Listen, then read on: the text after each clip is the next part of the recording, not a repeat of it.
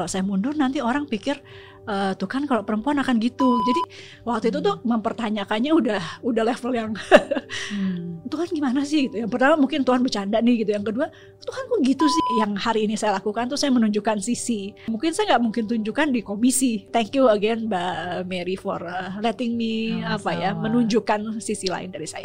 Ketika disergap itu bayangannya udah mati, udah nggak akan selamat. Kurang lebih 7-8 tahun, 7 tahun hmm. menjadi wartawan. Dan yang orang ingat tuh Sandranya. Apakah Mbak Mary mau jadi politisi atau mau masuk ke politik gitu? Seneng banget hari ini yang jadi teman ngobrol saya seorang wanita cantik, cerdas, tangguh, luar biasa, serba bisa. Pokoknya banyak amin, banget. Ya Robbal alamin doa tuh doa lagi amin, bulan Ramadan. Amin amin ya. Eh, Ketua Komisi 1 DPR RI Mbak Mutia Hafid. Thank you Mbak, aku juga senang banget. Uh, Mbak Mary tuh cuman denger namanya aja hmm. tapi amazed with your story sekarang oh, ketemu langsung you. dan lihat kantornya gede banget udah thank you thank you amin kita masing-masing selalu berusaha hmm. melakukan yang terbaik iya uh, di dalam you somehow inspire me also ya thank you thank you. Tapi aku seneng thank you udah making the time ya karena kan uh, saya yakin pasti dari Mbak Mutia sendiri sebagai hmm. uh, ketua Komisi 1 DPR aja udah sibuk banget sebagai politisi. Wanita juga sibuk banget apalagi juga sekarang sebagai ibu dari baby yang yeah. baru berapa enam bulan lah enam bulan enam yeah. bulan mau tujuh bulan mau tujuh bulan. Mau tujuh bulan pasti. Hmm, tapi uh, always time for ini ketemu dengan perempuan hebat lainnya. Thank you untuk berbagi. Dan harus dan harus harus saling support dan saling saling kenal, saling saling support lah dalam Betul. berbagai hal. Gitu. Thank you, thank you so much. um, jadi lagi sibuk apa nih sekarang? Komisi, oh yang pertama Liora sih. Hmm. apa uh, anak saya namanya Liora, hmm. dia udah hampir tujuh bulan dan kesibukan saya sekarang yang utama ya around her karena masih hmm. masih masih baru enam bulan ya jadi baru belajar empasi enam atau tujuh bulan belajar empasi dan lain-lain gitu. Hmm. Um, selain itu ya tentu yang yang udah jalan dari sebelumnya tuh Komisi satu gitu hmm. ya itu uh, apa selain kerja gitu I really put my heart into it and I think we all should ya seperti yeah. Mbak Mary juga karena aku di DPR udah tiga periode dan hmm. hampir selalu di Komisi satu kecuali ketika ada rotasi pergantian sementara gitu hmm. tapi hampir dari awal sampai sekarang di Komisi satu jadi uh, beneran jadi fokus aku hmm. um, kita sekarang lagi ada revisi undang-undang ITE hmm penting banget buat teman-teman yang apa mungkin uh, berkreasi di yeah. bidang uh, digital gitu ya. Kemudian juga ada Eh, isu-isu uh, lain di Papua, isu-isu pertahanan lainnya. Jiwa saya Komisi Satu tuh bidangnya tuh mbak ada pertahanan, uh ada luar negeri, ada uh, intelijen, ada uh, keamanan laut, ada TVRI, RRI, kemudian okay. ada yang paling dekat dengan saya informasi. Jadi ada ada uh, Kemkominfo misalnya salah satu mitra dari kami. Jadi itu uh, sangat dekat dengan saya. Jadi saya sih kayaknya uh, ya nggak tahu ya tapi saya udah nyaman uh, sebetulnya di komisi satu. Oke, okay. um, apa yang ada di belak apa yang hmm. belakangan ada di pikiran Mbak hmm. Mutia? So many things. Cuman ya tadi aku bilang Liora salah satu concern yeah. utama komisi satu, kedua, kemudian uh, diet ketiga. udah enam bulan belum turun-turun uh, diet diet tuh jadi salah satu yang mengganggu dari sekian banyak urusan penting tapi aduh diet diet harus kurus harus kurus harus kurus oh, lagi iya. gitu karena aku aku kan orangnya pengennya aktif lincah, uh, lincah ya, gitu jadi betul. itu satu Uh, kemudian apalagi ya? Tapi biasanya kalau dengan ASI itu kan uh, cara teralami untuk iya menurunkan iya sih, berat. Iya, iya. Hmm. Tapi kok belum ini ya, belum kembali ke biasa gitu. Ya aku ASI juga. Uh, apa ya Mbak yang lainnya? Uh, itu sih paling ya tiga hmm. ya ya suami tentu ya dia juga jadi bapak baru juga jadi harus harus yeah. kita fokuskan juga mempersiapkan uh, beliau jadi seorang bapak baru yeah. gitu yeah. politik uh, pemilu pemilu pemilu pemilu, pemilu itu okay. saya rasa semua politisi ya menjadikan yeah. ini salah satu uh, apa namanya uh, isu yang harus dipikirkan dengan dengan amat cermat karena kan tahun depan. Iya, betul. Terus uh, kita masih menunggu apakah terbuka tertutup meskipun Golkar sudah ya. uh, mengatakan kita inginnya terbuka gitu. Tapi mencermati uh, menjelang pemilu 2024 ini menarik. Saya rasa bagi bagi hmm. tidak hanya politisi tapi bagi kita semua di tahun 2023 ini. Gitu. Oke, okay. oke. Okay, tapi hari ini kita saya nggak lagi mau ngobrol banyak tentang politik, tapi lebih bahas tentang uh, sisi Mbak Mutia ya. sebagai ibu yang baru hmm. aja melahirkan hmm. um, Liora hmm. karena proses untuk bisa iya. menjadi seorang iya. ibu dan sekarang iya, punya bayi banget. itu sangat-sangat hmm. panjang and it's hmm. amazing how hmm. much you have um, apa ya benar-benar uh, berjuang untuk bisa mendapatkan iya, iya. anak kan. Iya. Hmm. Oh my god, berapa tahun ya? 8 tahun, 8 tahun kurang lebih ya dari kami nikah kan di 2014 hmm. awal gitu. Jadi uh, ya sejak itu usaha. Mulai dari yang masuk akal sampai yang gak masuk akal yang gak masuk akal kayak gimana ya katanya kalau dipijit pijit gini bisa ini terus dipukul-pukul pakai palu bukan gak dengan segala hormat yeah, saya ya mungkin yeah. ada orang yang juga berjuang tapi bagi saya tuh bukan hal yang biasa saya yeah. kan karena saya engineering seperti Mbak yeah. Diana juga semua tuh harus di, dijelasin secara ilmiah gitu yeah. jadi ada hal-hal yang nggak ilmiah tuh uh, yang yang uh, secara ilmiah saya sulit terima tapi saya lakuin juga gitu hmm. kayak ya itu kakinya dipukulin palu terus uh, macem-macem ya hmm. Uh, tapi aku lakuin juga uh, dan with no regrets ya karena itu okay. pengalaman yang kemudian menguatkan aku ketika harus menjalani proses-proses lainnya yang yang yeah. memang lebih lebih panjang hmm. sakit lama sakit uh, fisik uh, batin juga ya karena aku kan sempat gagal ya dua kali keguguran yeah. yang pertama keguguran kembar kedua keguguran uh, tunggal gitu jadi hmm. uh, panjang setelah berapa banget. bulan itu uh, sebelum tiga bulan sih memang menjelang tiga bulan. bulan jadi okay. memang kan katanya tiga bulan first hmm. semester yang harus dijaga dan uh, udah dengar detak jantungnya soalnya jadi waktu itu semuanya tuh dokternya juga bilang ini detaknya kuat kok bu jadi hmm. ini kuat nih anak ibu gitu tapi ternyata uh, keguguran hmm. dan yang waktu yang kembar tuh kegugurannya satu-satu jadi satu dulu oh. terus ada satu saya udah bayangin ya ya udah ketakutan karena kita baru kehilangan satu yang keguguran kembar itu terus yang masih ada satu lagi ini aku harus jaga tapi di saat yang bersamaan kan yeah. emosional banget gitu terus akhirnya nyusul juga jadi dua tuh uh, kemudian coba lagi setelah sekian lama um, hamil lagi kemudian keguguran lagi gitu sampai akhirnya bayangin ketika Liora tuh jadi setiap hari itu ada ketakutan itu karena ngalamin hmm. tiga kali kehilangan uh, apa anak ya anak. gitu iya. jadi setiap hari atau kalau ada flek dikit sebenarnya kan flek wajar ya hmm. tapi setiap ada flek sedikit aja saya langsung rumah sakit gitu hmm. atau langsung stres gitu karena karena pernah uh, mengalami itu tapi alhamdulillah sekarang udah udah uh, lahir sehat, Puji anaknya lucu, iya. Iya.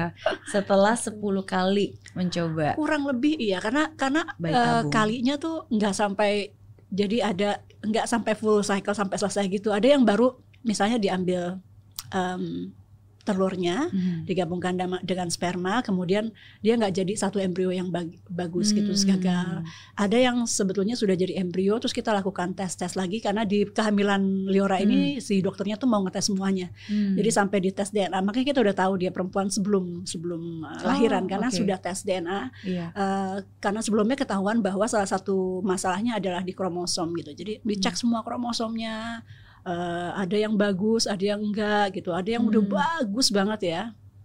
Laki-laki itu saya ingat uh, ini ini grade-nya udah paling tinggi, terus dia kromosomnya semua normal, hmm. terus laki-laki suami saya senang banget waktu itu, uh, terus di, ditanam Hmm. Kemudian ternyata tidak terjadi kehamilan gitu. Hmm. Tapi ternyata ketika Liora juga kita happy banget itu. Ini udah kira yeah. gender apa segala macam kita udah udah nggak penting udah nggak penting. Ya. Yang penting uh, kita sehat uh, uh, punya anak yang sehat gitu. Iya. Gitu. Iya.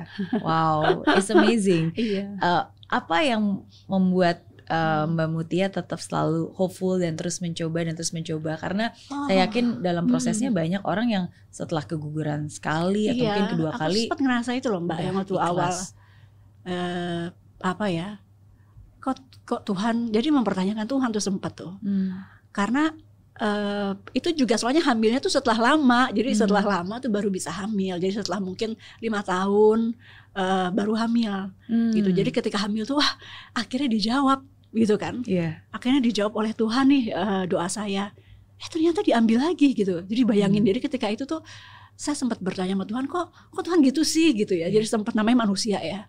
Setelah itu ibu saya bilang harus istighfar istighfar ya minta maaf sama yeah. sama Tuhan kalau mempertanyakan karena itu kan memang haknya gitu. Tapi ada rasa itu cukup lama ya mungkin uh, dua yeah. minggu lah paling enggak ketika saya betul-betul down gitu. Kayak Tuhan bercanda gitu ngapain dikasih yeah. harapan kalau abis itu diambil lagi yeah, gitu kan. Gitu. Terus repeatedly begitu lagi gitu yeah. dikasih lagi terus aku oh yang kemarin ternyata yang pertama gugur itu yang ternyata cobaan aja Tuhan mau tahu hmm. aku kuat gitu ya dan aku kuat aku dikasih lagi hmm. diambil lagi juga gitu jadi waktu hmm. itu tuh hmm. mempertanyakannya udah udah level yang hmm. Tuhan gimana sih gitu yang pertama mungkin Tuhan bercanda nih gitu yang kedua Tuhan kok gitu sih gitu jadi sempat hmm. kayak gitu tapi akhirnya uh, apa namanya uh, bentar ya hmm. um, istighfar lagi ibu bilang pokoknya nggak boleh gitu nggak boleh buruk sangka gitu. Pasti. Hmm. Pasti dikasih yang uh, terbaik pada waktu yang terbaik. Jadi ibu saya satu terus suami saya tuh saya tuh nggak habis pikir dia kenapa kenapa yakin banget gitu. Yeah. jadi saya udah waktu itu udah uh, udah harus terima ya mungkin kita nggak dikaruniai anak gitu. Tapi dia enggak ah kita pasti dikasih kok pasti gitu. Dia oh. dia yakin banget. Oke. okay. gitu. Jadi dari hmm. orang-orang terdekat kita sih mbak sama mungkin uh, karakter uh, dari aku dilahirkan juga ada itunya sih menurut teman-teman ya emang kan karakter lo kuat gitu yeah, katanya. ya mungkin uh, uh, mungkin. Tapi waktu itu aku nggak ngerasa kuat ya. Yeah. ngerasa lemah banget. Cuman ya coba lagi coba lagi gitu dan Tuhan gitu. baik iya gitu buktinya bisa Tuhan melahirkan baik. semua dengan sehat ibu yeah. dan iya. anak sehat padahal yeah. di iya. usia melahirkannya pun juga udah 44 tahun iya iya iya dan di akhir memang saya juga agak ini agak uh, ya sudahlah Tuhan akan berikan yang terbaik dapat hmm. atau enggak. Jadi memang kita nggak boleh maksa ya Mbak ya bahwa hmm. kalau terbaik itu pasti aku dikasih anak gitu. Kayaknya kayaknya di situ uh, masalah aku yang di pertama kedua setelah aku refleksi. Jadi udah hmm. kalau tuh kita yakin uh, Allah yang terbaik, Tuhan yang terbaik, Allah yang putusin aja gitu. Hmm. Jadi emang yang ketiga ini aku lebih tenang gitu hmm. dan uh, ternyata malah berhasil. gitu. Iya. Pasti kehadiran Liora mengubah seorang iya. Mutia Hafid. Apa uh, yang berbeda dan apa yang masih sama? Pertama jam tidur ya. itu itu yang berbeda. jam tidur ya, berbeda banget ya. Tapi uh, uh, di, selain hal-hal fisik seperti rutinitas yang berubah ya tentu oh, ada tanggung jawab yang yang lebih besar dulu aku tuh workaholic banget ya jadi uh. Uh, aku rasa tanggung jawab terbesar aku terhadap kerjaan aku hmm. bukan karir ya tapi kerjaan hmm. gitu loh dari waktu aku jadi wartawan tuh kayak gitu mbak Uh, tapi ketika ini oh iya dia selain kerjaan itu ada ada titipan yang lebih hmm. amanah yang uh, lebih harus aku uh, perhatikan gitu. Hmm. Tanpa mengurangi tentu rutinitas di kerjaan ya, tapi oh ini ada ada hal lain dalam hidup yang harus aku uh, jalankan amanahnya gitu hmm. yaitu membesarkan Liora dengan baik gitu. Jadi eh, pemahaman itulah yang mengubah aku mungkin dalam keseharian ya yeah. Ya. uh, dalam pendekatan apa pun yang aku lakukan dalam ke kesibukan saya setelah kelahiran Liora gitu. Iya, lebih sering di rumah juga. Uh, karena dia lahir dekat-dekat tahun politik. Tapi yang pertama tuh jadinya dua-duanya aku lebih uh, membuat waktu untuk pulang ke rumah lebih cepat. Okay. Tapi Lioranya juga make time untuk nemenin Ikut. aku gitu. Hmm. Jadi aku well aku paksa ya. Yeah. uh, maksudnya it, it has to work bersama gitu yeah. kita harus kerja sama jadi setuju Lioranya juga harus nemenin ibunya dari waktu itu masih dua minggu uh, sebentar aja ke kantor karena karena keketuaan aku harus ada yang surat yang aku harus baca mm. tanda tangan dan lain-lain gitu jadi sebentar terus balik lagi jadi dia udah biasa tuh dengan orang banyak dengan uh, kantor gitu mm. ketika saya harus ada rapat penting yang nggak bisa ditinggal yang jadwalnya nggak cuma kalau di DPR kan nggak cuma tergantung saya gitu ya yeah. uh, ya dia, dia dia juga harus ikut dan dia harus ikut karena waktu itu uh, asi eksklusif yeah. kan. Ini kan sekarang udah empati tapi waktu itu kan um, salah satu yang saya mau jalankan itu karena saya tahu hmm. usia saya nggak nggak muda. Uh, jadi lioranya harus kuat, just in case hmm. Hmm. terjadi sesuatu dengan kita yang usianya udah nggak muda saya dan uh, suami gitu, hmm. liora harus harus bisa hmm. gitu. Jadi ya dan salah satu yang nguatin tuh asi gitu. Jadi yeah. pokoknya uh, gimana caranya kita kita bikin supaya uh, harus asi eksklusif. Gitu. Eksklusif, gitu. oke. Okay. Gitu. Jadi ya ke mana-mana, mana-mana ikut meskipun ada. dengan hujatan. ya ada teman-teman yang kok tega banget sih anaknya dibawa. Waktu awal-awal tuh memang postpartum di awal-awal tuh stres banget oh. ya Mbak Mary yang udah lebih tahu, udah lebih pengalaman. Tapi kan I wasn't prepared for that gitu. Yeah. Jadi aku nggak nyangka tekanannya segitu. Pertama kitanya secara mental Betul. gitu yang memang uh, apa uh, ya naik turun ya moodnya. Hmm. Kedua orang semua ngomentarin ya atau perasaan aku gitu jadi yang bawa salah. Ada aja yang bilang kenapa sih kok tiga banget anaknya dibawa? Dia harus yeah. minum asi gitu. Ini nih gitu. Jadi uh, gitu ya dari dari lingkungan, dari teman, dari keluarga gitu. Tapi ya itu bentuk cinta mereka Betul. sih sebetulnya. Cuman waktu awal-awal aku sempat yang gitu agak overwhelmed tapi uh, oke okay sih. Habis itu aku lihat uh, positifnya bahwa oh semuanya tuh uh, justru sayang setuju. sama Liora gitu. Setuju, setuju. Ya apa pun juga yang kita lakukan mungkin uh, iya. komentar itu menjadi salah satu bentuk iya, sayangnya, uh, sayangnya iya. atau mungkin concernnya gitu. Iya. Tapi ya pintar-pintarnya kita sebagai ibunya untuk bisa memilih yang penting iya. um, apa yang saya sepakatin sama suami berdua karena di awal pun juga gitu. gitu Aku ya. itu kan anak pertama, dua hmm. anak saya dua-duanya lahirnya di Singapura dan hmm. ketika anak pertama kita juga waktu itu bener-bener nggak nggak mau pakai uh, asisten rumah tangga pembantu wow. babysitter jadi ngurusin semua sendiri yeah. masih idealis lah jadi sometimes memang kita bawa juga gitu yeah, yeah, yeah. Uh, cuman ya at the end of the day yang paling penting kan apa yang kita sepakati berdua dengan suami kita tahu apa yang terbaik juga buat yeah, anak yeah. Mm -hmm. thank you mbak for sharing sama-sama sama-sama itu yang berubah kalau hmm. yang nggak berubah dari seorang Mutia Hafid udah yang lainnya nggak ada yang berubah itu okay. Yang lainnya ya kantor, komisi, uh, partai, kegiatannya okay. ya ya sama nggak berubah. Saya nggak saya coba sebisa mungkin tidak mengurangi kecuali hmm. yang tadi di awal-awal sebelum enam bulan itu keluar kota. Hmm. Karena kalau keluar kota kasihan uh, yeah. dia kejauhan. Meskipun pada akhirnya juga sebelum enam bulan dia ada keluar kota juga, tapi maksudnya hmm. nggak hmm. bisa sesering dulu kan sering banget ya Mbak. Yeah uh, seminggu itu bisa uh, pasti ada satu gitu uh, bahkan dua gitu jadi aku kurangi itunya tapi sekarang hmm. udah dia udah agak gedean juga udah udah mulai balik lagi gitu oke okay, oke okay. hmm. yeah I mean uh, that's the beauty of a woman yeah, kan kita yeah. sebagai perempuan kita uh, diberikan anugerah kepada Tuhan untuk memiliki yeah. beberapa peran sekaligus at betul, the same time betul. gitu. Aku baru baru ngerasain juga apa perjuangan merah asi gitu ya. Oh, iya.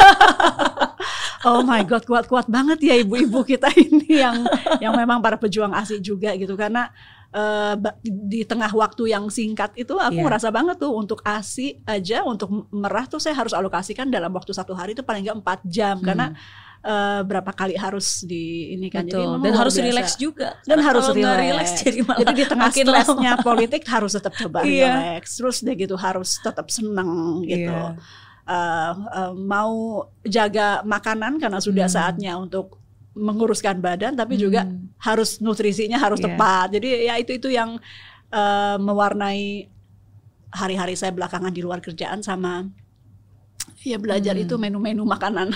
Hmm, Hal-hal okay. yang dulu nggak terpikirkan Mbak bahwa saya akan ngalami ini gitu. Oke, okay. it's a blessings. Iya, yeah, Untuk bisa ngalamin itu saat ini. Iya. Yeah, yeah. Tapi kalau aku lihat dari Mbak Mutia, uh, hmm. you are very very strong woman yang memang kalau ini my first impression ya hmm.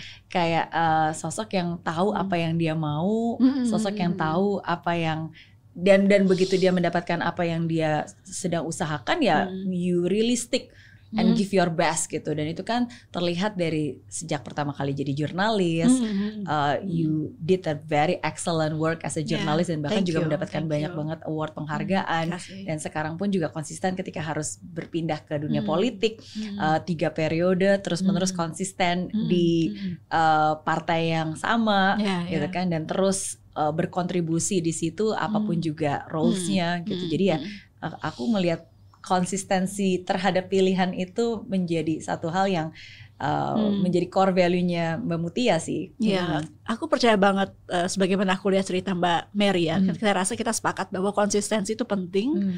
Uh, hasil itu tergantung dengan proses hmm. gitu.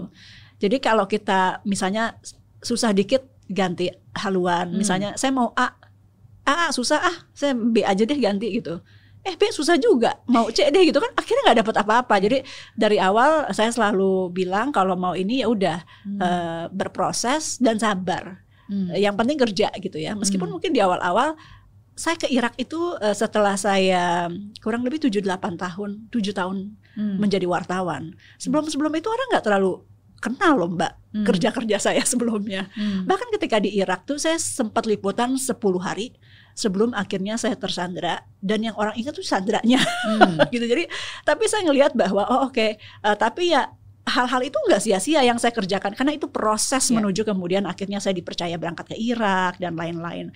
Uh, bahwa orang akhirnya kita nggak bisa dikte ya bahwa lu harus lihat karya gue yang lain gitu. Hmm. bukan cuma waktu dia kan nggak bisa. Tapi bahwa uh, Allah Tuhan kasih kasih hasil setelah proses yang begitu panjang. Hmm. Ya orang kan orang nggak tahu itu tapi kita tahu itu gitu yeah. jadi iya. jadi itu dan dari situ saya selalu makin yakin bahwa oh jadi kalau saya mau sesuatu uh, jalanin uh, yeah. serius dan maksudnya ketika serius belum dapet ya ya ketika punya anak juga kan gitu yeah. jalanin lagi jalanin gitu waktu di uh, Australia juga juga seperti itu sih aku hmm. ada di masa sulit um, kita lagi krismon jadi uh, beasiswa aku dari Pak Habibie dipotong di tengah jalan mbak hmm.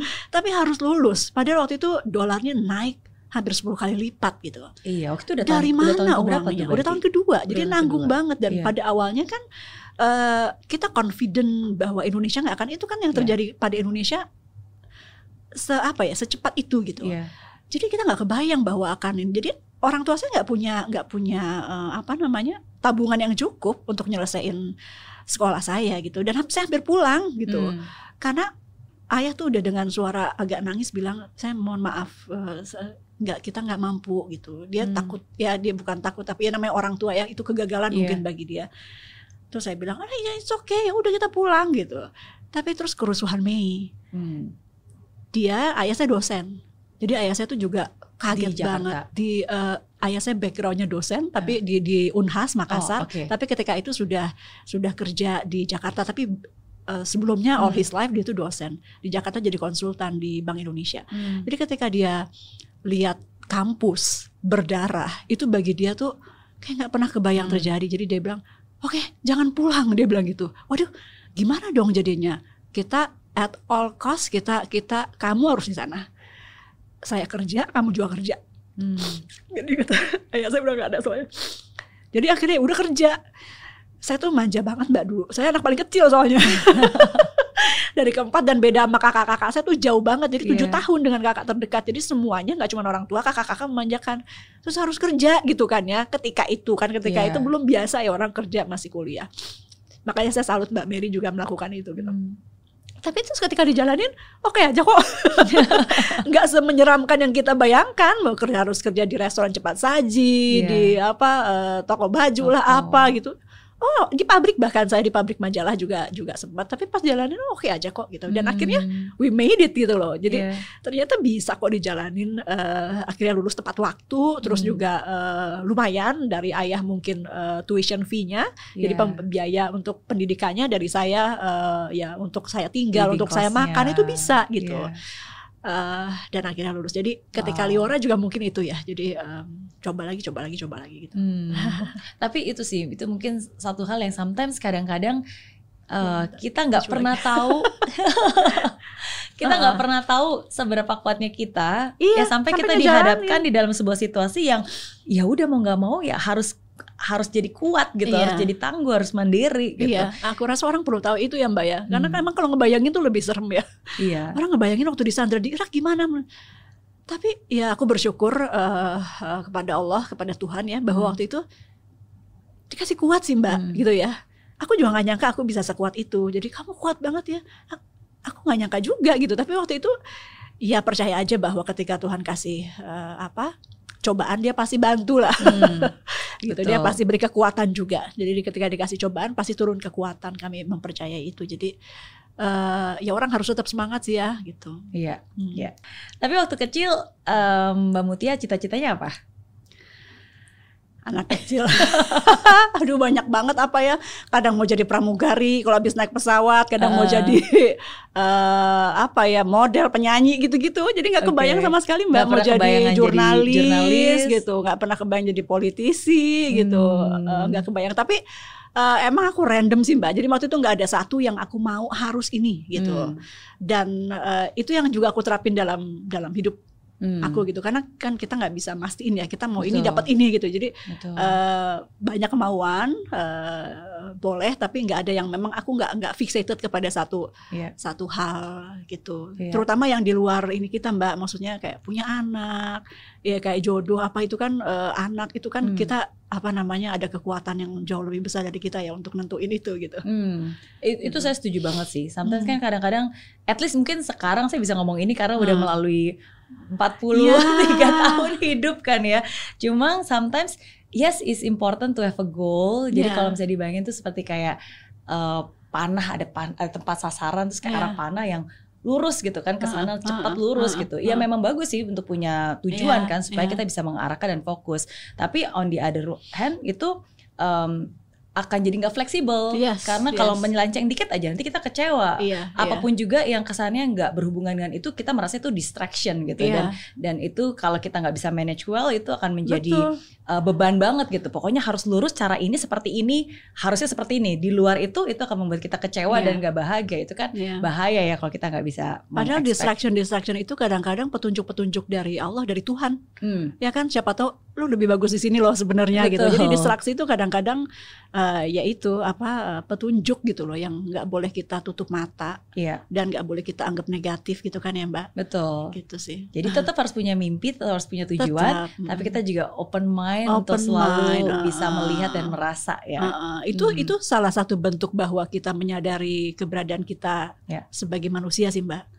hmm. bahwa kita tuh punya keterbatasan, ada kekuatan yang lebih besar gitu ya. Hmm. Jadi saya yakin Mbak Meriana, Mbak Mary bisa begitu karena karena juga merasa sebagai manusia kan besar apa pun kita ya kita tetap kecil ya gitu. Yeah. Jadi uh, ya itu me me memberi ruang juga kita kitanya sebagai manusia harus punya goal tapi kita memberi ruang juga kepada hal-hal uh, lain yang hmm. yang yang di luar kemampuan kita gitu. Iya. Dan itu penting ya sebagai yeah. manusia ya. Oh, ya karena takutnya kalau enggak stres loh. Setuju itu ya. itu setuju itu setuju banget dan yeah. uh, aku happy ketika Mbak Mutia hmm. bilang tentang ruang ya. Hmm. Karena menurut saya itu itu penting. Apa pun kepercayaan kita kita kan selalu hmm. bilang kita percaya bahwa yang Maha Kuasa bisa bekerja gitu kan. Yeah. Dan dia bisa mengatur. Yeah. Cuma gimana dia bisa bekerja kalau kita nggak pernah kasih ruang untuk dia bekerja yeah, gitu. Yeah, yeah. Kita pengennya oke okay, nih semua saya ngatur saya nyetir seperti ini gitu kan kita nggak ngasih dia ruang ya gimana dia bisa bekerja dan melakukan betul. Ya, bagiannya kalau ruangnya aja nggak kita kasih ke betul. dia gitu kan kan kayak kita angkuh ya mbak ya hmm. kita angkuh kalau kita kasih nggak kasih ruang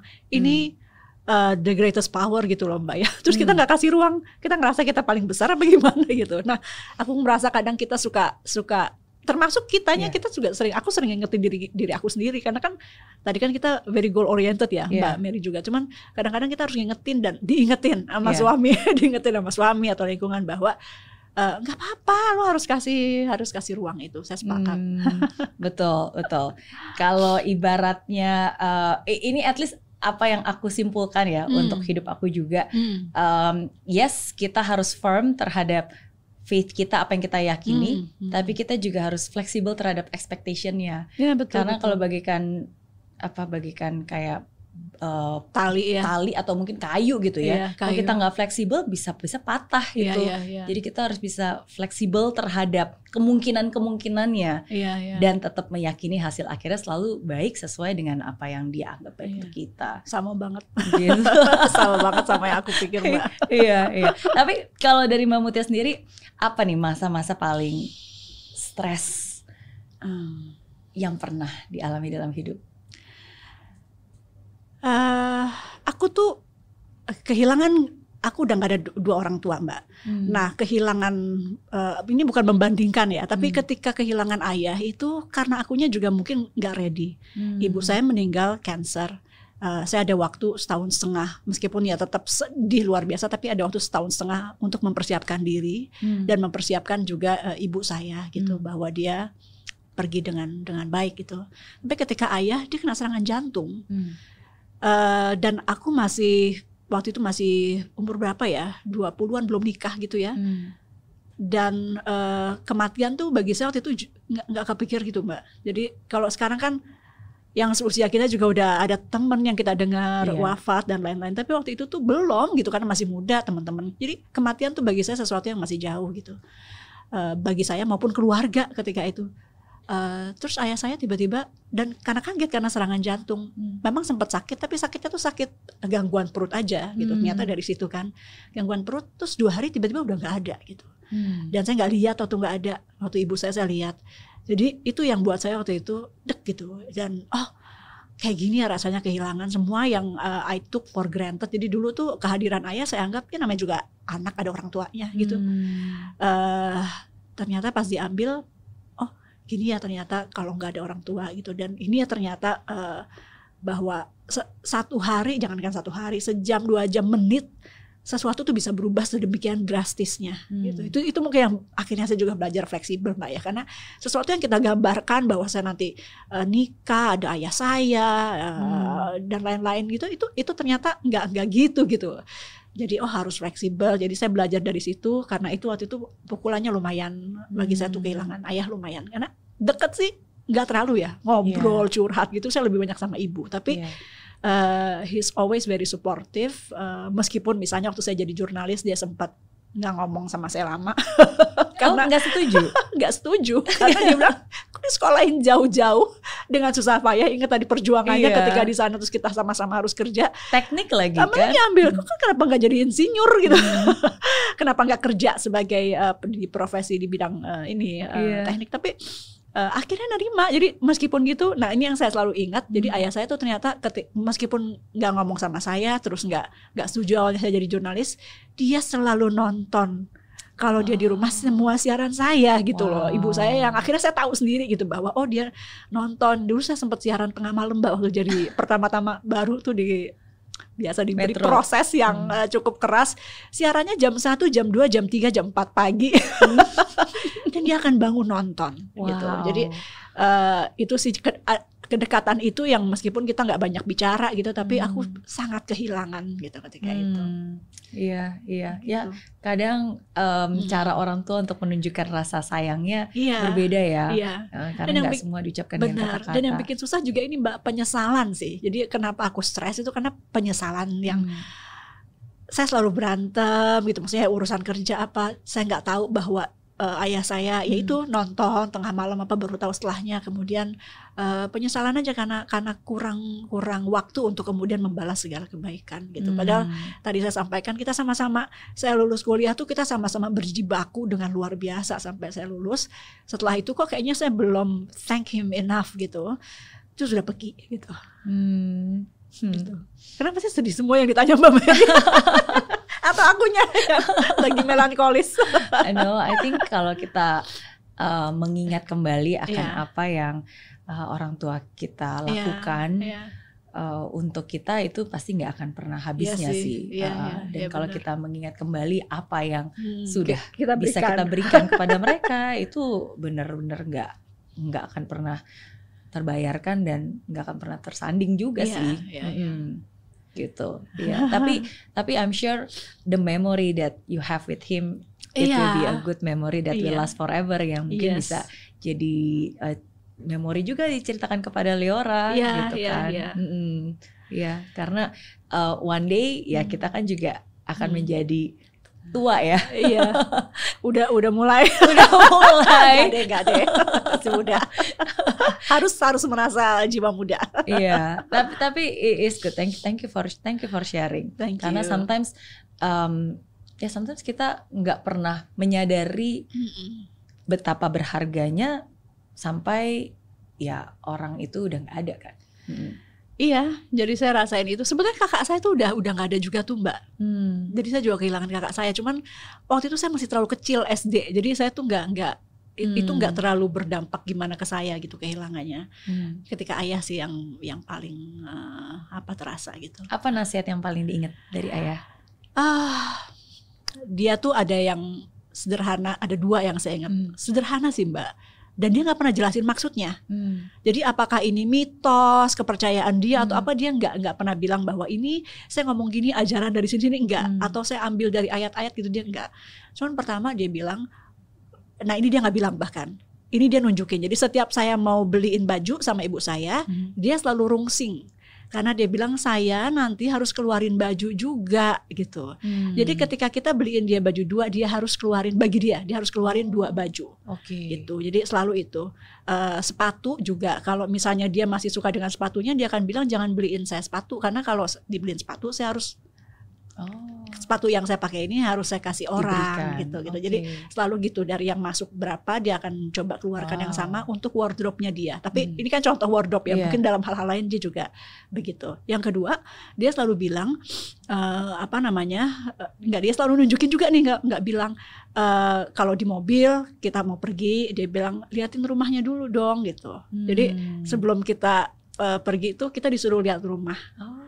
Itu terus waktu kecil aku kan nggak ngerti ya cuman kita dibiasain gitu. Lama-lama oh eh, ini mungkin ngingetin ya ngingetin kita siapa? Iya. ngingetin eh, apa eh, dasar kita seperti apa rumah kita seperti apa jadi sedih lagi. So, oke tapi maksudnya lebih kepada eh, ngingetin diri kita. Iya. Kalau kita udah jalan jauh kita udah jadi sukses lo harus ingat dulunya seperti Hmm. apa terus lo harus ingat pulang mungkin itu ya Hmm. meskipun dia nggak pernah cerita ini supaya kamu nanti ingat nggak cuman eh lihat-lihat lihat atap Iya. rumah kita diliatin dulu sebelum jalan gitu Wow. yang aku ya lakukan sampai saat ini gitu. Wow. Gitu. Thank you, thank you for sharing. Thank you. Thank you for sharing. Saya yakin uh, banyak banget ajaran-ajaran Hmm. baik yang diucapkan maupun ditunjukkan Iya, dari ibu, iya. dari ayah yang Iya. akhirnya membentuk Memutia seperti sekarang ini. Hmm. Mm-mm. Termasuk juga dari hal-hal spiritual ya, karena saya percaya ke seseorang itu bisa kuat bukan hanya apa yang ada di otaknya, Iya, kecerdasannya, tapi apa yang ada di hati yang diyakininya. Ya, ya. Mm-mm. Kalau dari Mbak Mutia sendiri, eh, apa nih the most spiritual experience yang pernah dialami? Irak Oh. waktu di Sadra di Irak Iya, mungkin bisa diceritakan kronologinya ya. Ah. Mungkin banyak yang beberapa udah belum lahir lupa. kali jangan-jangan iya, ya saat ampun. itu. jadi aku waktu aku jadi jurnalis dari tahun 2000 waktu Hmm. itu karena eh, reformasi Hmm. terus habis pulang dari Australia ketika lulus eh, saya bilang eh, saya mau terlibat dalam proses demokratisasi tapi apa ya saya udah bukan mahasiswa dulu kan Hmm. mahasiswa tuh demo memperjuangkan reformasi gitu tapi kan aku udah lulus ya jadi apa ya gitu jadi salah satu yang terdekat adalah jurnalisme karena Iya. jurnalisme waktu itu juga salah satu hasil dari reformasi buah dari reformasi termasuk kita bisa bicara freely Hmm. bikin podcast seperti saat ini itu semua buah dari 98 perjuangan teman-teman kita ketika itu gitu jadi jadi wartawan meskipun eh, kuliahnya eh, engineering ketika itu ya Manufacturing ya? manufacturing waktu Uh-uh. itu jadi oke eh, jadi wartawan Ah, tadi pertanyaannya kok jadi aku jadi panjang. Oh, habis itu jadi wartawan setelah sekian tahun akhirnya dikirim ke oh Ke saya- Aceh dulu. ke Aceh dulu Hmm. tsunami. Waduh itu se- eh, pertama sebelum tsunami eh, daerah konflik. Ketika waktu itu Aceh masih masih masih ada GAM. Hmm. Eh, jadi masih ada operasi militer di sana dan saya berangkat karena meliput operasi militer itu. Hmm. Jadi wah itu daerah konflik pertama yang saya eh, lakukan liputan gitu. Hmm. Terus Ini berarti tsunami- setelah tadi siaran jam 1, jam 2, jam 3 pagi. Iya, Iya. Oke. Jadi dikirim ke Aceh dan waktu itu belum biasa perempuan dikirim Iya. ke daerah konflik mbak. Jadi wah gitu eh, takut tapi juga eh, seneng Hmm. gitu karena dipercaya.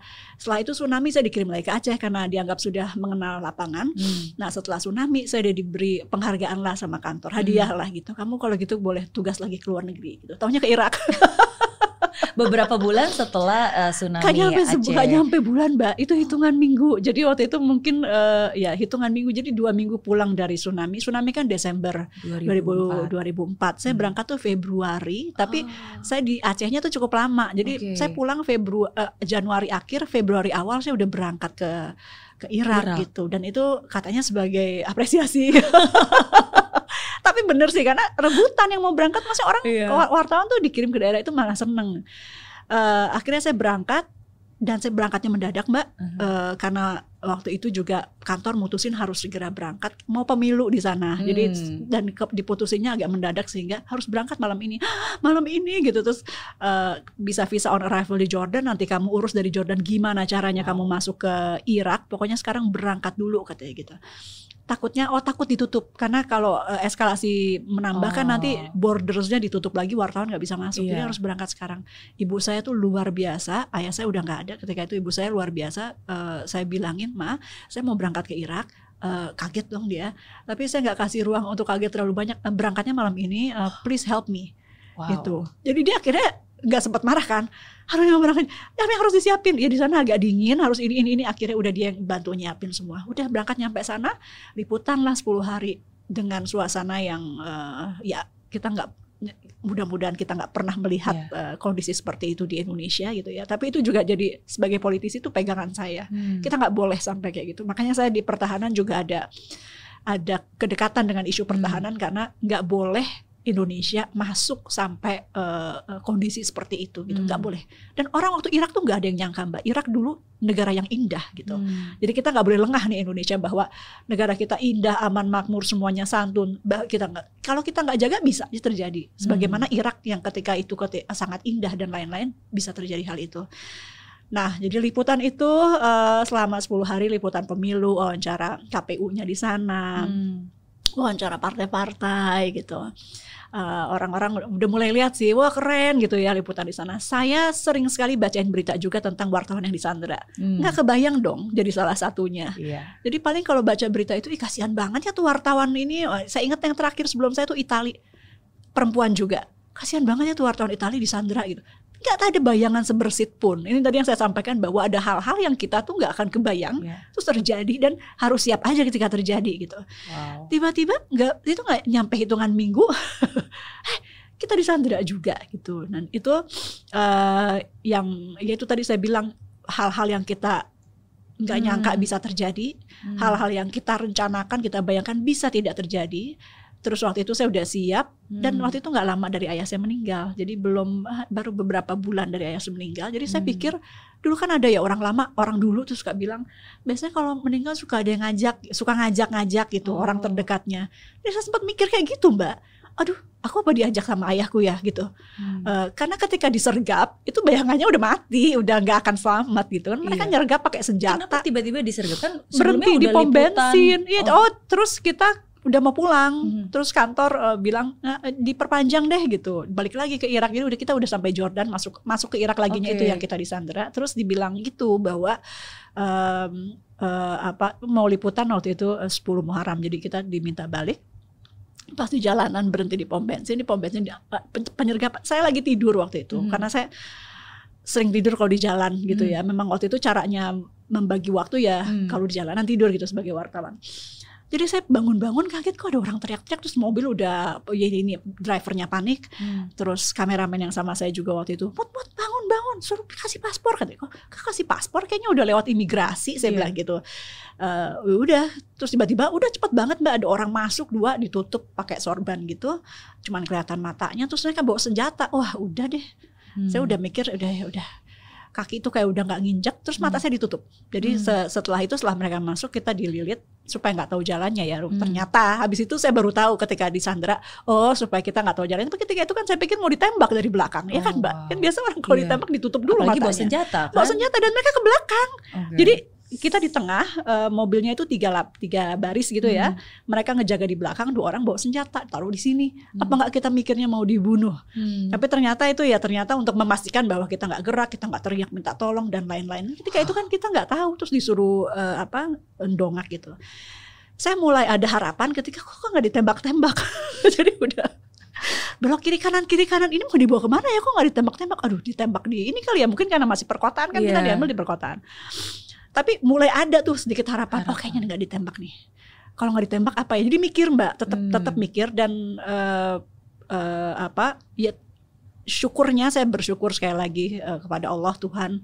yang Maha Esa bahwa ketika itu harus kita emang dalam segala kondisi harus coba mikir hmm. uh, meskipun panik gitu ya jadi saya mikir opsi-opsi lain Sandra mungkin ya, ya gitu hmm opsi kedua adalah dia mungkin akan taruh kita di jalan dia ambil semua barang hmm. nggak hmm. dibunuh tapi barang kita semua diambil atau hmm. atau apa gitu tapi lama-lama terus uh, setelah dua jam itu dan kenapa saya apal sebelum di meskipun takut banget tapi sebelum ditutup mata saya lihat jam oh. supaya saya tahu berapa jauh saya dibawa gitu-gitu yeah. ya kalau misalnya memang dibawa gitu udah akhirnya uh, setelah dua jam tuh kurang lebih dan tadinya kan pikir bisa kabur ya jadi apalin tuh sempat saya apalin kiri karena lama-lama. Kok banyak banget ya saya udah nggak apal udah pasrah habis itu udah pasrah. Hmm. tadinya mikir kan kalau bisa lari saya harus tahu lari ke mana. Kan gurun yeah. mbak nggak ada jalanan gitu gurun. Jadi kan susah ngapalinnya. Udah dibawa terus ada gua pas kita dibuka matanya oh ini Sandra. Oh, okay. gitu. Jadi saya udah oh ini Sandra nih dia mau minta apa nih? Langsung mikir gitu kan. Yeah saya sama Budianto ngomong dengan segala bahasa yang kita bisa. Driver yang kita sewa itu bisa bahasa Inggris sedikit, makanya hmm. kita sewa. Jadi dia jadi translator. Hmm. Meskipun saya nggak yakin apa yang saya sampaikan disampaikan kembali hmm. ke penyandera itu, ke karena dia kan takut kalau saya agak keras dikit dia nggak yeah. nyampein. Saya akhirnya coba memberanikan diri, bilang Indonesia tuh eh, nggak uh, per Indonesia tuh dukung Irak, kita punya sejarah yang baik, hmm. kita nggak dukung invasi Amerika ke Irak. Kenapa kami ditangkap gitu? Hmm bolak-balik itu yang kita sampaikan. Tolonglah kami habis tsunami. Kamu mau minta apa? Mau minta ransom gitu kan? Karena saya tahu karena sebagai hmm. wartawan saya tahu biasanya di Sandra yeah. juga minta uh, tebusan. Tebusan. Kamu minta tebusan. Negara saya itu baru kehilangan ratusan ribu orang habis hmm. tsunami dan tsunami itu kan mendunia ya. Hmm. Jadi di, mereka tahu ketika kita dengar tsunami, oh ini orang dari Indonesia gitu. Yeah. Tapi tetap di Sandra. Cuman uh, mungkin itu sedikit meluluhkan hati. Saya nggak tahu. Pokoknya kita ngomong aja, uh, bernego aja supaya kita dibebaskan gitu nggak langsung tujuh hari kemudian baru dibebasin gitu. Hmm. Nah di situ Mbak aku ngerasa Tapi bahwa oh iya biasa. Tuhan mau ambil ketika ya. aku di itu bisa. Terus saya perempuan, yang lain laki-laki. Ya. Mau ada apa-apa sama saya, bahkan mungkin orang merasa logikanya pasti saya diapa-apain gitu. Hmm. Tapi alhamdulillah enggak dan itu hanya karena kuasa kuasa Allah saya rasa, hmm. kuasa Tuhan. Saya nggak diapa-apain gitu. Hmm Terus uh, ya itu, itu banyak sekali di atas tentara Amerika mencari jadi yang ngambil kita nih kan insurgents namanya mereka pejuang-pejuang mujahidin Irak. Hmm. Mereka kan melawan Amerika sebetulnya. Amerika ada di atas terbang-terbang. Mereka yeah. kan kalau nemuin apa uh, tempat, tempat itu, itu diserang ya diserang kan? gitu nggak lihat lah iya. ini ada orang Indonesia iya, kan enggak gitu jadi kita tuh ketakutannya dari mereka dari atas yeah. Iya. uh, dan akhirnya pas terakhir katanya infanterinya pasukan koalisi Amerika memasuki wilayah mereka maka kita dilariin hmm. jadi akhirnya kita dari gua wow. itu pun dilariin tengah malam gitu karena mereka bilang ada yang datang ada yang datang jadi mereka ketakutan ada tentara Amerika datang jadi ada satu malam saya di rumah warga hmm. sekitar jadi nggak digurun. dibebasin ha -ha. ya? Enggak enggak. Jadi dari gurun dibawa dulu lari. Oh. Terus mereka bawa ke uh, rumah. Okay. Uh, eh, iya sih. Ya mereka udah niat uh, besok kamu hmm. dibebasin gitu. Cuman malam itu dilariin gitu. Terus diinepin dulu di rumah warga, dititip besokannya dikasih makan di restoran teman-teman mereka juga hmm. dititip tapi mereka tuh kelihatan ketakutan gitu mbak dalam proses hmm. pembebasan karena kan mereka juga takut mereka kan juga lagi diburu gitu yeah. jadi mereka juga ketakutan itu dan akhirnya di, dilepas nggak langsung bisa pulang ke Jordan karena di perbatasan itu juga saya tertahan hmm. gitu karena borders lagi ditutup jadi hmm. tidak boleh ada manusia yang melewati hmm. perbatasan itu karena eskalasi di dalam lah kan kita habis di Sandra ya gitu jadi saya juga bingung pengen cepet-cepet keluar bisa keluar iya. jadi saya juga berdebat sama yang menjaga pasukan koalisi dari Amerika Inggris dan lain-lain ketika wow. itu saya bilang ini kenapa kok kita nggak bisa keluar ya karena borders closed nih kok gitu gitu ya pokoknya uh, jadi karena bertahapnya itu saya saya ngerasa bahwa uh, Tuhan talk me through it gitu apa yeah. teach me through it gitu yeah. jadi ajarin bahwa ada banyak sekali poin ketika saya mau hmm. ambil A uh, lu udah nggak bisa apa-apa yeah. ya yang jelas uh, apa ya waktu itu saya sempat ngerasa bahwa oh iya ya kerja dulu kan kerja banget ya ininya orientasinya kerja capek-capek uh, uh, ternyata tidur di pasir bisa juga. Jadi kita membeli tempat tidur yang bagus, yang nyaman, pakai AC gitu ya. Tapi ternyata sebagai manusia ya ketika lo ditaruh di situ tidur di atas pasir dingin harus bisa juga, bisa juga. dan bisa yeah. gitu. Jadi kayak aku setelah itu sih ketika yeah. itu saya nggak nggak tahu ngerti tapi ketika setelah itu ya bisa juga dan ketika kita nabung seberapa banyak kita merencanakan seberapa banyak eh, Allah mau ambil ya bisa juga hmm. gitu hmm. dan uh, dalam banyak poin dia tunjukkan bahwa ketika diambilnya ketika di guanya bisa terjadi sesuatu tapi hmm. enggak ketika uh, tentara Amerika mau masuk ke wilayah itu mengambush uh, hmm. mereka itu sedang akan terjadi tapi uh, tidak tetap sampai dilindungi. Uh, tetap dilindungi. Yeah. Uh, kemudian ketika di perbatasan yeah. bisa terjadi karena kan uh, yang disandra itu dicurigai pasti mbak, yeah. gitu bahwa ini benar-benar disandra atau, atau bagian spy. dari mereka. Yeah. Di sana semua orang tuh curiga dengan yeah. orang gitu.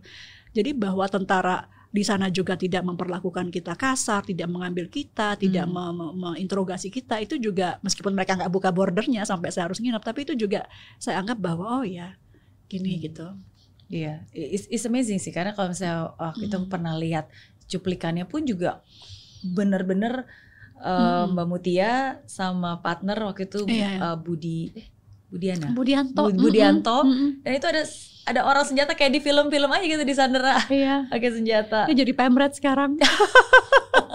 dia istiqomah istiqomah tuh tetap di jalannya sebagai jurnalis tuh dan dia dia ya itu berproses dan dia akhirnya uh, sampai ke posisi pemret iya mbak uh, luar biasa sih jadi makanya nggak hmm. nggak nggak terbayang di situ kerasa kecil banget ya tapi tetap setelah sekian tahun dalam perjalanan itu kita manusia harus tetap diingetin yeah. gitu bahwa kamu pernah gitu jadi thank you for reminding me gitu iya. kadang-kadang yeah. saya lupa dan mulai merasa bahwa ah ya hidup uh, bisa begini oh enggak dulu kamu pernah diselamatkan loh itu yang hmm. Apa saya senang Mbak Ariana juga angkat itu gitu iya iya nggak semua orang dapat second chance third yeah, chance yeah, yeah. tapi at least dengan uh, sharing Mbak Mutia itu mengingatkan kita semua bahwa ya hmm. ya kita nggak sendiri sih ketika kita ditempatkan di dalam satu tempat kita tetap iya. dijaga lah yeah, yeah. ya dan mungkin memang saat itu ada banyak hal yang dibukakan membuka mata dan pikiran Bener Mbak Mutia banget. juga gitu yeah. dan dan uh, dan cerdas banget gitu sampai kepikiran ngelihat jam lah segala macam and sometimes mm. um, mungkin yang paling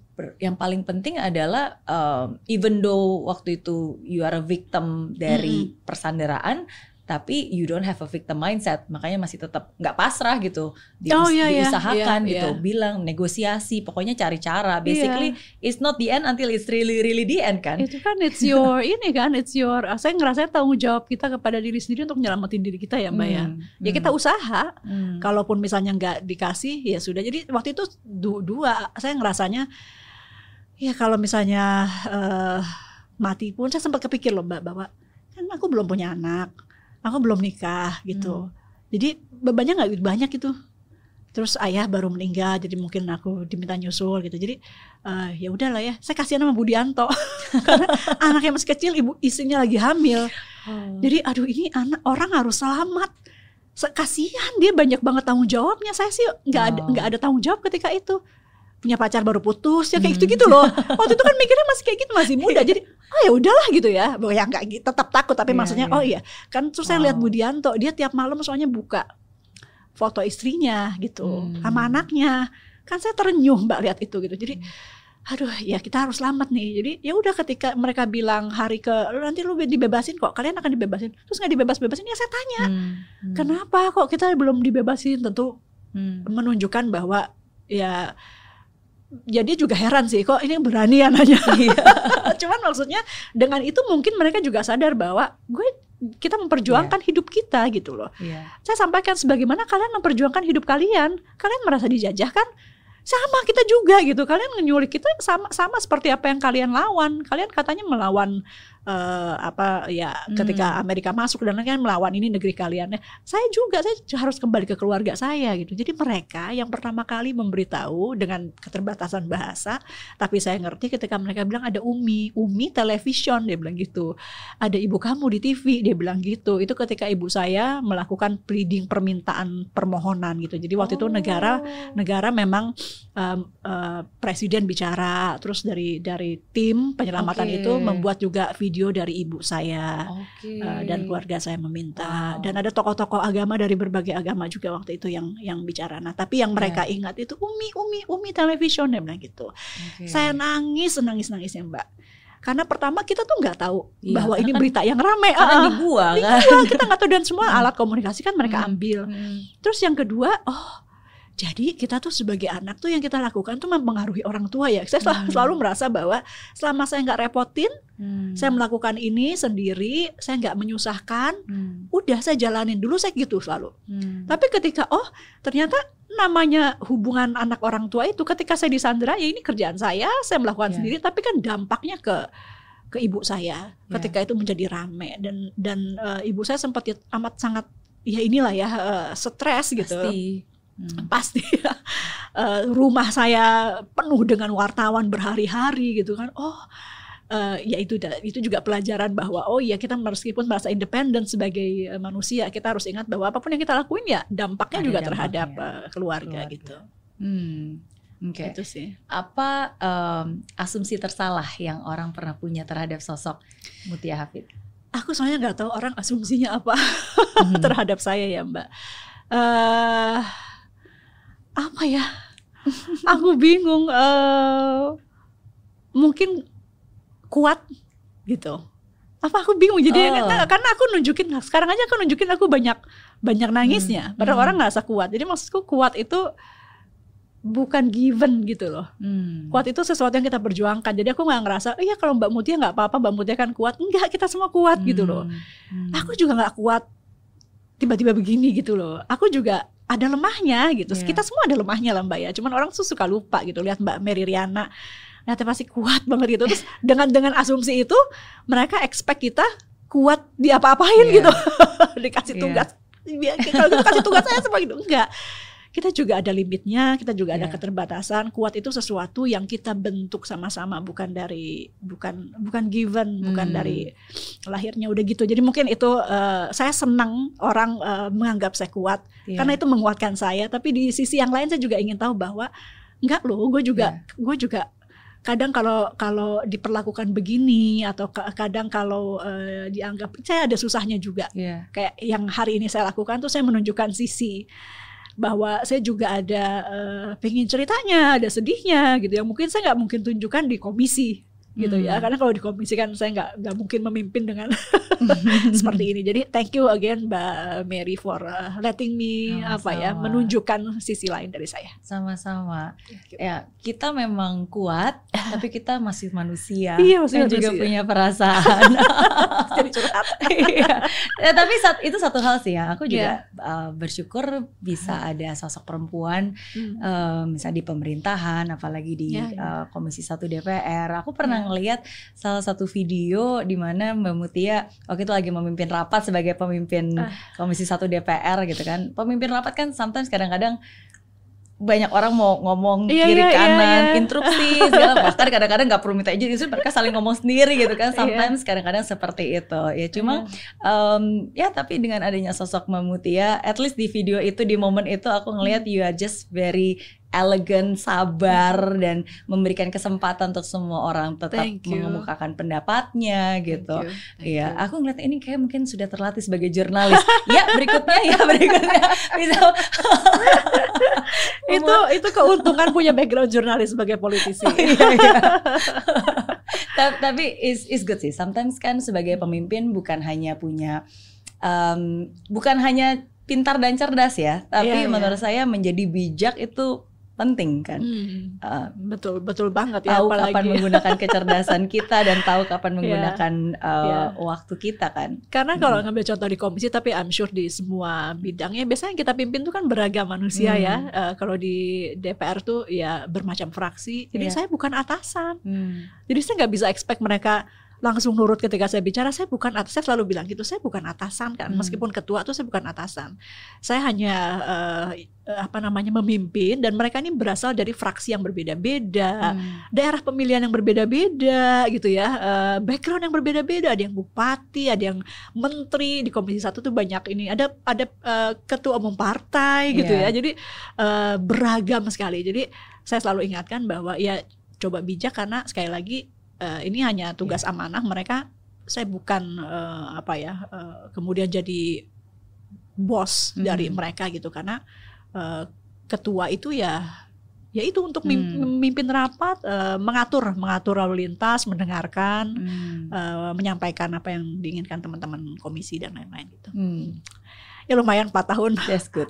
empat tahun berjalan lancar amin pilihan tersulit yang pernah dihadapi selalu antara keluarga dan kerja dan uh, ini makin sulit dengan adanya Liora ya. hmm. ya maksudnya buat saya bukan Liora membuat sulit tapi sayanya yang kemudian antara pengen fokus di rumah aja yeah. gitu ya kadang-kadang kan sebagai ibu gitu udah di rumah aja tapi jadi ini untuk tetap melakukan kerja saya dan juga punya Liora ini udah pilihan yang tersulit gitu hmm. buat saya karena uh, apa keinginan untuk nggak nerusinya lagi tuh Karena kan yang periode sebelumnya aja kan juga hampir sempat nggak iya, ingin lanjut iya, kan. Iya, hmm. dan itu masalah saya rasa uh, dan saya nggak nyalahin ya Mbak kalau di Inggris ada perdana menteri perempuan yang mundur, hmm. uh, kemudian ya trennya sepertinya gitu beberapa perempuan itu kemudian akhirnya memilih bahwa uh, dan dia mundurnya uh, apa ya apa New Zealand tuh uh, PM-nya juga yeah.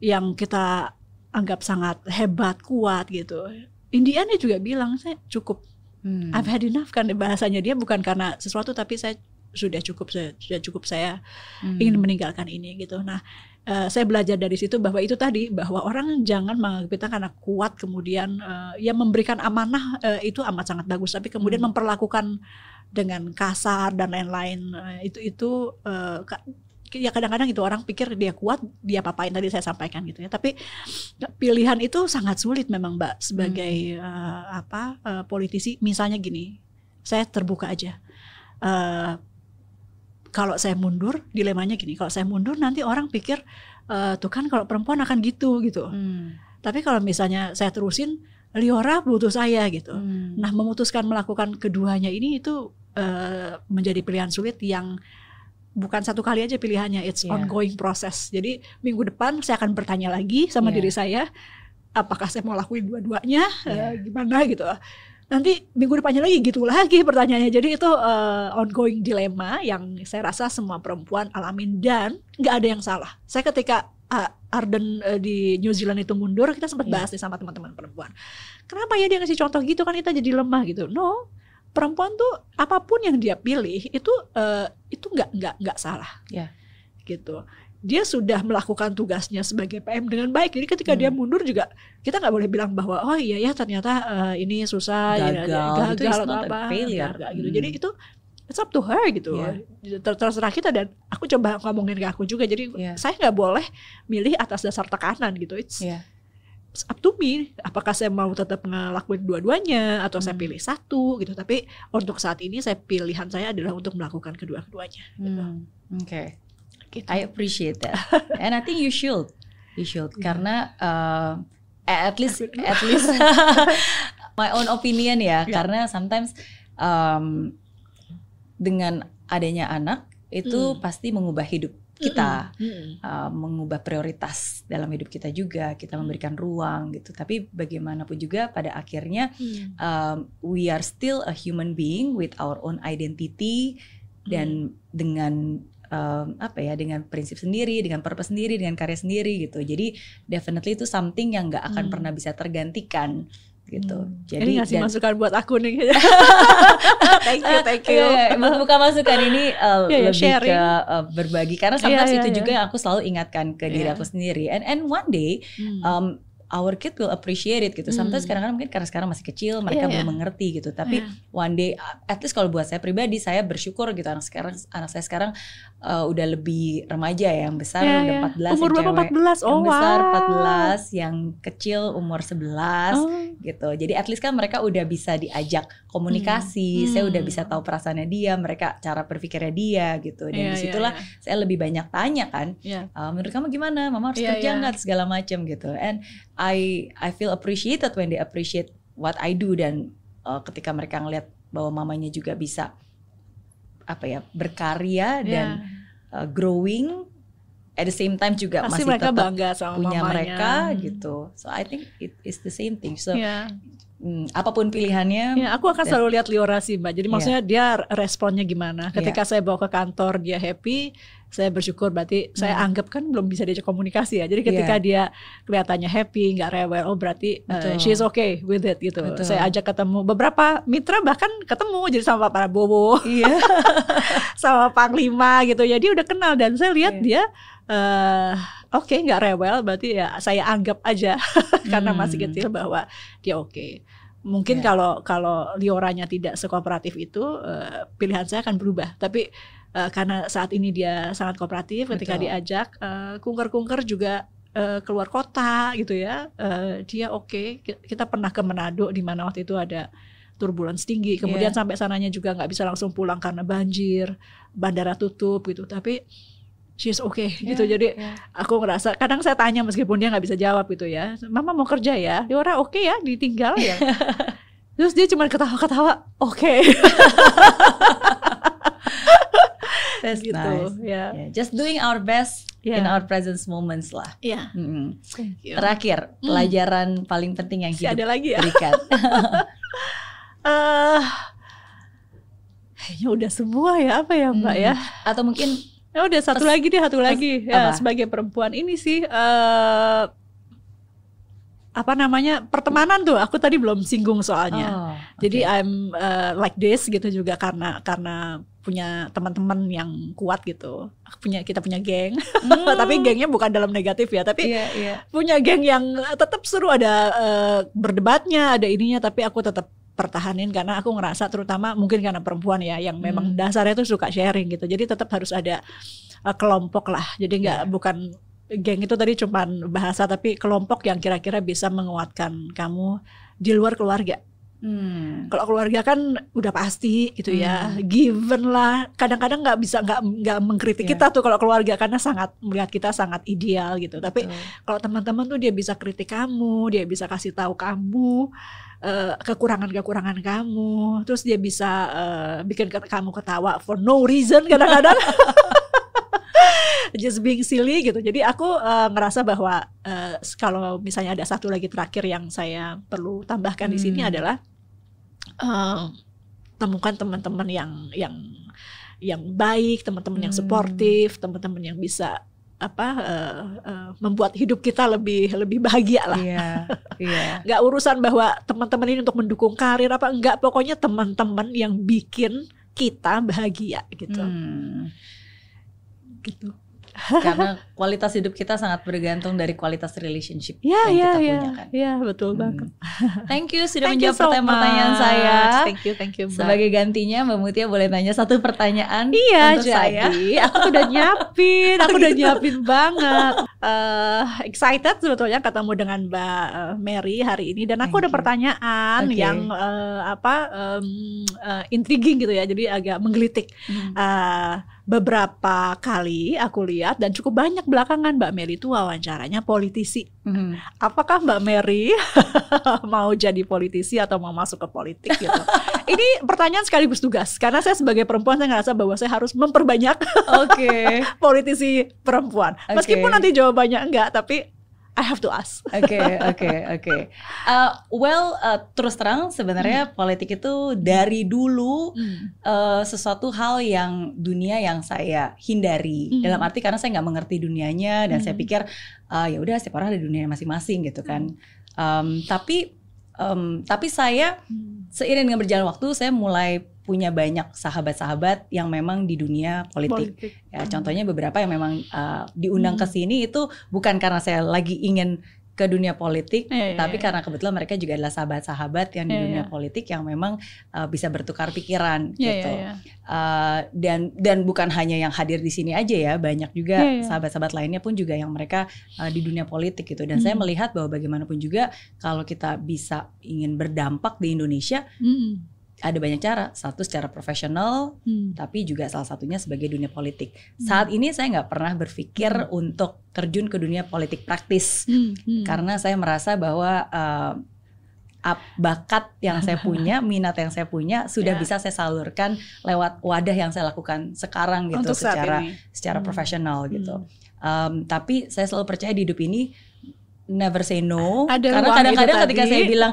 saya nggak suka sashimi sashimi itu makanan yang paling saya nggak suka zaman hmm. dulu tapi sekarang saya jadi suka sashimi gitu kan jadi um, dan kita tadi sepakat harus ada ruang harus ada ruang untuk kekuatan di luar kita bekerja. Okay. Buat saya simple, yang penting uh, saya bisa berguna dan berdampak. Dan hmm. kalaupun memang ada tempat, contohnya di hmm. mana hmm. saya merasa bahwa saya bisa berkontribusi hmm. di situ dan memang expertise saya hmm. bisa berguna hmm. apa pun bentuknya apa pun wadahnya uh, hmm. why not gitu hmm. Hmm. Hmm. jadi orang tuh kadang di, di, dilihat dari interestnya yeah.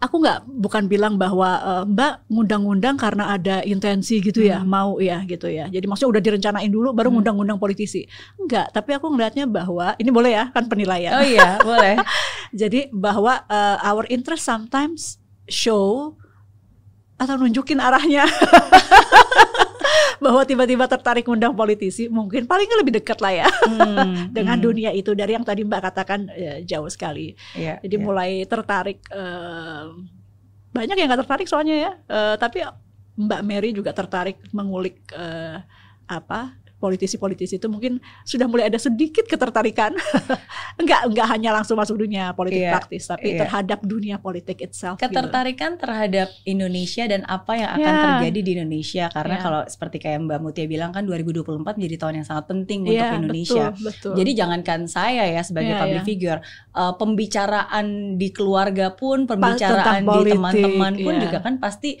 selalu sekarang mereka concernnya tentang pemilu yeah, gitu kan yeah. uh, seperti apa nih gimana hmm. bahkan kalau misalnya saya ngeliat di podcast podcast atau di uh, survei survei kan wah siapa di sini siapa nanti dicalon siapa partner dengan siapa nanti gimana yeah. kebijakannya apa apa akan yeah, terjadi yeah, gitu yeah, jadi yeah. menurut saya itu akan menjadi um, interest semua orang yes. untuk bisa memilih pemimpin yang tepat yes. uh, dan apa namanya uh, perwakilan rakyat yang tepat juga karena 2024 itu menurut saya menjadi tahun yang sangat penting sih yes. untuk Indonesia betul bertumbuh dan berkembang gitu. Betul banget. Uh, uh, dan karena since memang saya udah kenal dengan beberapa sosok-sosok ini sebelumnya, uh, kenapa nggak saya pengen tahu lebih banyak dan menggali yeah. uh, pemikirannya yeah. gitu. Termasuk juga hari ini yeah, iya, sebenarnya yeah, yeah. Tapi kan nggak nggak menutup ruang dari jawaban saya ya, nggak menutup bahwa mungkin aja bisa siapa tahu. Come on. Biar saya ada hopeful sedikit loh dari sini. gitu. tapi it's okay, you don't have to answer. Tapi harapan harapan uh, kita hmm. tentu lebih banyak perempuan. Saya nggak maksa, tapi it's, it's part of my job juga untuk ngajak perempuan-perempuan mudah-mudahan mau. At least uh, mengamati dari dekat which you already did ya. Jadi udah hmm. mulai mengamati uh, sangat sangat uh, dengan sangat cermat menurut saya uh, dan baik. Thank iya. you. Em emang menurut Mbak Mutia saya cocok di dunia politik. Kayak saya kurang uh, belum punya ketangguhan. Iya. Jadi dan gini ya, politik kali. tuh uh, ini boleh ya Pak agak panjang bukan nggak panjang sih tapi maksudnya di luar konteks tadi uh. politik tuh kenapa aku masuk politik uh. juga di antaranya tuh karena ya pertama kan perempuan masih kurang dan lain-lain tapi karena profesi ini pro politisi itu uh, terbuka buat semua sih dan kita justru kayak di DPR tuh representasi saya percaya banget representasi itu harus dari beragam hmm. macam uh, manusia misalnya hmm. jurnalis harus ada perwakilannya dokter hmm. ada gitu ya terus kemudian uh, jadi nggak semua orang yang memang dari dulu di politik saya kan nggak terus udah gitu eh, nggak uh, semua pengusaha kan banyak nih hmm. pengusaha-pengusaha atau kepala daerah kepala daerah jadi harus lebih beragam sehingga uh, saya ngelihat bahwa setiap orang punya bakat itu hmm. gitu dan nggak harus ngambil politik saya sendiri waktu S2 uh, eh, baru ambil ilmu politik ketika saya udah di politik gitu jadi kita gitu deh iya, iya. semua cocok karena itu basically merepresentasikan manusia-manusia Indonesia. Yeah. Jadi kalau kita merasa sudah menjadi manusia Indonesia yang nggak harus yang baik banget karena perwakilan yang nggak baiknya juga banyak ya tapi maksudnya hmm. kita udah menjadi uh, manusia Indonesia yang sadar tentang keluarga negaraan dan lain-lain di situ sudah punya uh, hmm. apa namanya uh, potensi dan juga uh, apa bakat untuk menjadi politisi. Oke, okay. oke. Okay. Harus banyak belajar. Tak kenal maka tak sayang, makanya yes. lebih banyak kenalan untuk bisa lebih mengerti dan mengetahui dunianya. Tapi again, apa pun itu, di mana pun tempatnya, kalau yeah uh, memang ada ruang di mana saya bisa berkontribusi hmm. menggunakan benar-benar bakat dan talenta saya dan yeah. itu sesuatu yang berga, berguna dan berdampak uh, why not apa pun itu profesinya ya yeah. karena sometimes kadang-kadang ketika saya melihat hidup um, berubah sih saya nggak pernah tahu bahwa saya akan yeah. ke iya. Singapura gara-gara tahun 98 yeah, yeah ternyata bahkan kita Tuhan 98 aja nggak kebayang sana, ketika gak kebayang, itu gitu terus ya. uh, ketika udah nyaman di Singapura punya dua anak di sana hmm. saya juga nggak pernah kebayang bahwa Balik hidup lagi. dan Tuhan menempatkan saya kembali ke Indonesia gitu hmm. dan memulai sesuatu yang sangat berbeda padahal di sana udah nyaman di sana udah nyaman di sana bisnis keuangan sekarang hmm. di sini mulai bisnisnya uh, di bidang uh, pendidikan kan hmm. jauh sekali berbeda yeah, gitu yeah, yeah. di negara yang berbeda juga gitu dan hmm. sekarang di usia 40 juga memulai sesuatu yang baru kan hmm. kan sebagai investor venture builder venture capital yeah. gitu. Jadi ya at the end of the day um, tergantung pemiliknya memberikan amanah apa yeah. kepada saya, I'm just open. Mm -mm. Gitu. Well, good luck kita. Thank you. Thank you. Semoga menjawab pertanyaan ya. Menjawab, okay, menjawab. Okay. Karena nggak mungkin saya nanya on the spot, saya juga nggak expect langsung jawaban. Tapi okay. at least uh, ada ada harapan. Yeah, so yeah. it's good enough for me. Yeah. Thank you, Mbak. Thank you, thank you. Sukses terus sekali lagi sama, buat Mbak Mutia. Uh, salam buat suami, yeah, salam buat Liora, buat keluarga. Tadinya mau ikut nih, tapi next time. Iya. yeah. Thank you so much. Thank you.